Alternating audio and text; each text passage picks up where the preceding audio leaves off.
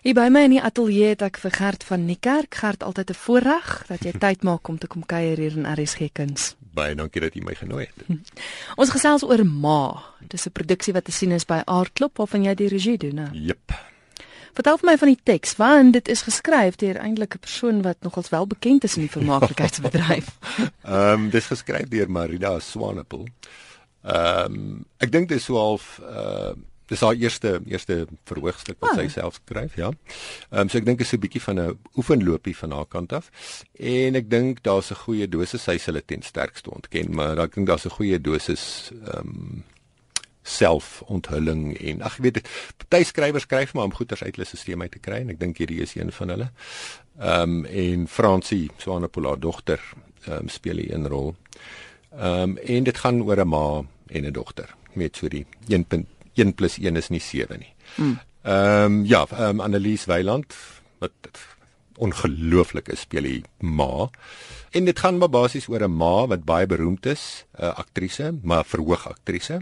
Sy is so al van die skemerjare van haar lewe en dan haar dogter wat sopas uit 'n uh, uh, rehab sentrum uitgekom het vir drank en dagga en allerlei dwelmverslawing en sy kom dan by haar ma bly om nou gesond te word. En dan baie interessante ding wat Marida gedoen het, sy het dit geskryf die met 9 kort toneeltjies. O oh ja. Met tydsverloop tussen hulle almal.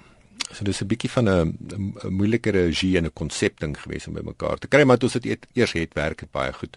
So dit begin letterlik met die dogter wat die dag wat sy uit die rehab uitkom en dan vind daar deur die nege tonele 'n verplasing plaas wat die dogter die ster word en die ma word in aanhalingstekens en die ma word die kind en die een wat graag of wat opsien, nie graag wil wees nie, wat opsien na waar haar dogter is.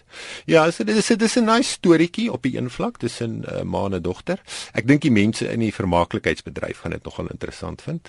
Ehm um, en daar's grappies en goedjies in wat net ons verstaan. ja. Ehm um, en dan dink ek dit gaan aan die ander kant gaan dit behoort dit die publiek te interesseer want dit gee vir jou daai kykie van binnekant af buitekant hoe voel iemand wat ouer word um en wat se brein nie meer lekker werk nie nie meer die woorde kan onthou nie wat nie meer so gewild is as wat sy altyd was nie.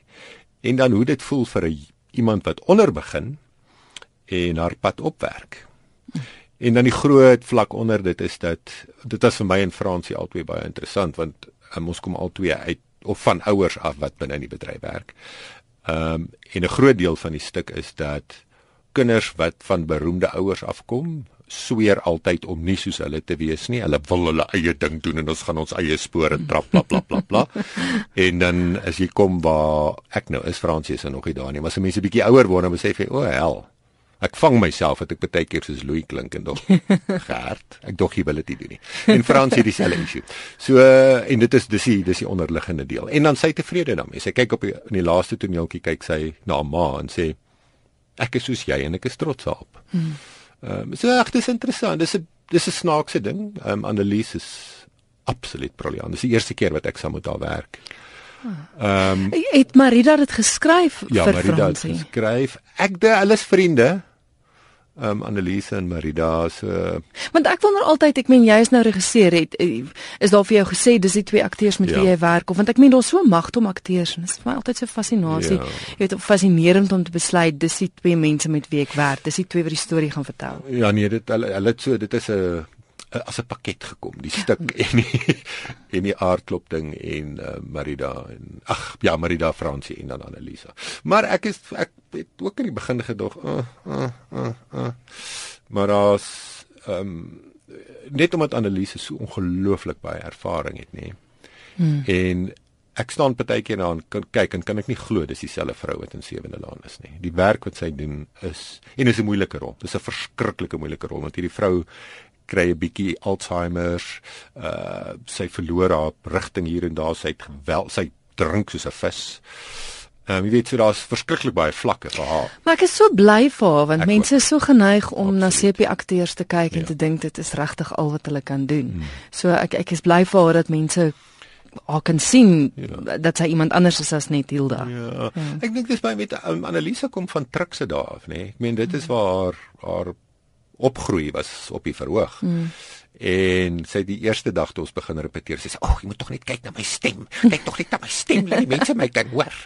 en die eerste dag toe ons nou in 'n groter saal repeteer, toe kom dit net outomaties. Toe sa net hierdie stem wat omtrent 3 tone laer is as Hilda en wat jy kan hoor artikulasie is perfek, alles is en sy's 'n verhoog opgeleide aktrise en dit is nie iets wat jy vergeet nie. Ja. Fransie is een wat so klein bietjie sukkel met die praktiese goedjies.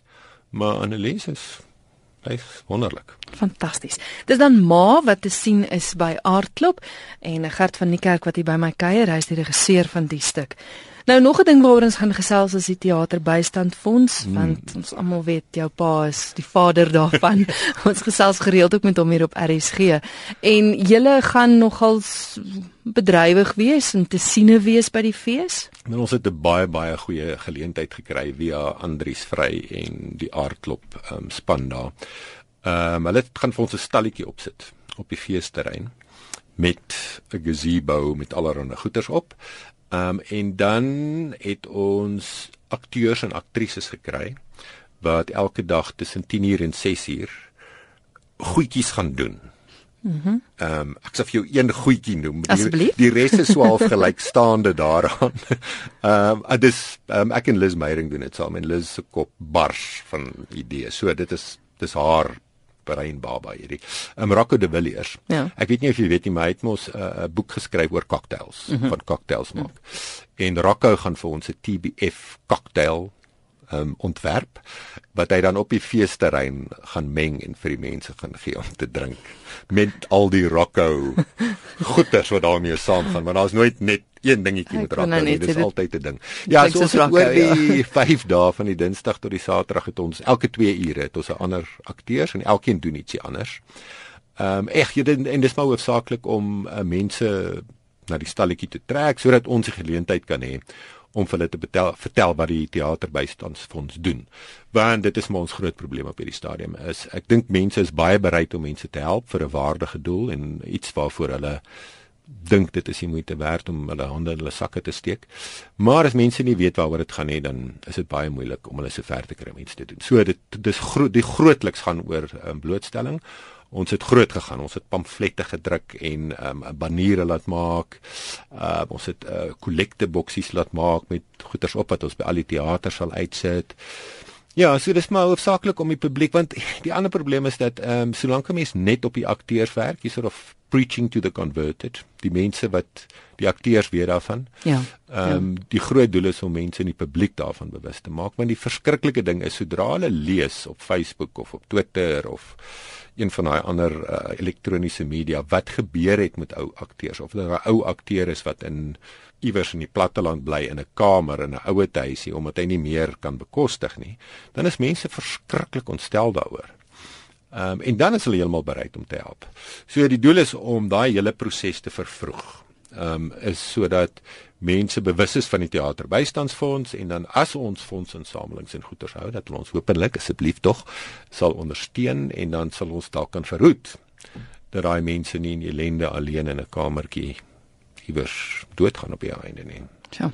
Vinnig gou kontak besonderhede. Hier is nou jou geleentheid om vir die volk te as hulle meer sou wou weet en vir hulle sou wou uitkyk op aardklop kontak besonderhede. Ja, ons is op die feesterrein, blykbaar volgens Andrius reg langs een van die musiekverhoë, so ons behoort oh, maklik te wees om op te spoor. Ons het 'n webwerf uh, www.tbf koppel die koppelteken sa en dan die Facebook bladsy is die maklikste en die vinnigste is maar net Theatre Benevolent Fund en ek um, gaan dit gewoonlik elke dag na. So as daar vrae is, los dit maar op Facebook en sal ek se gou as moontlik antwoord.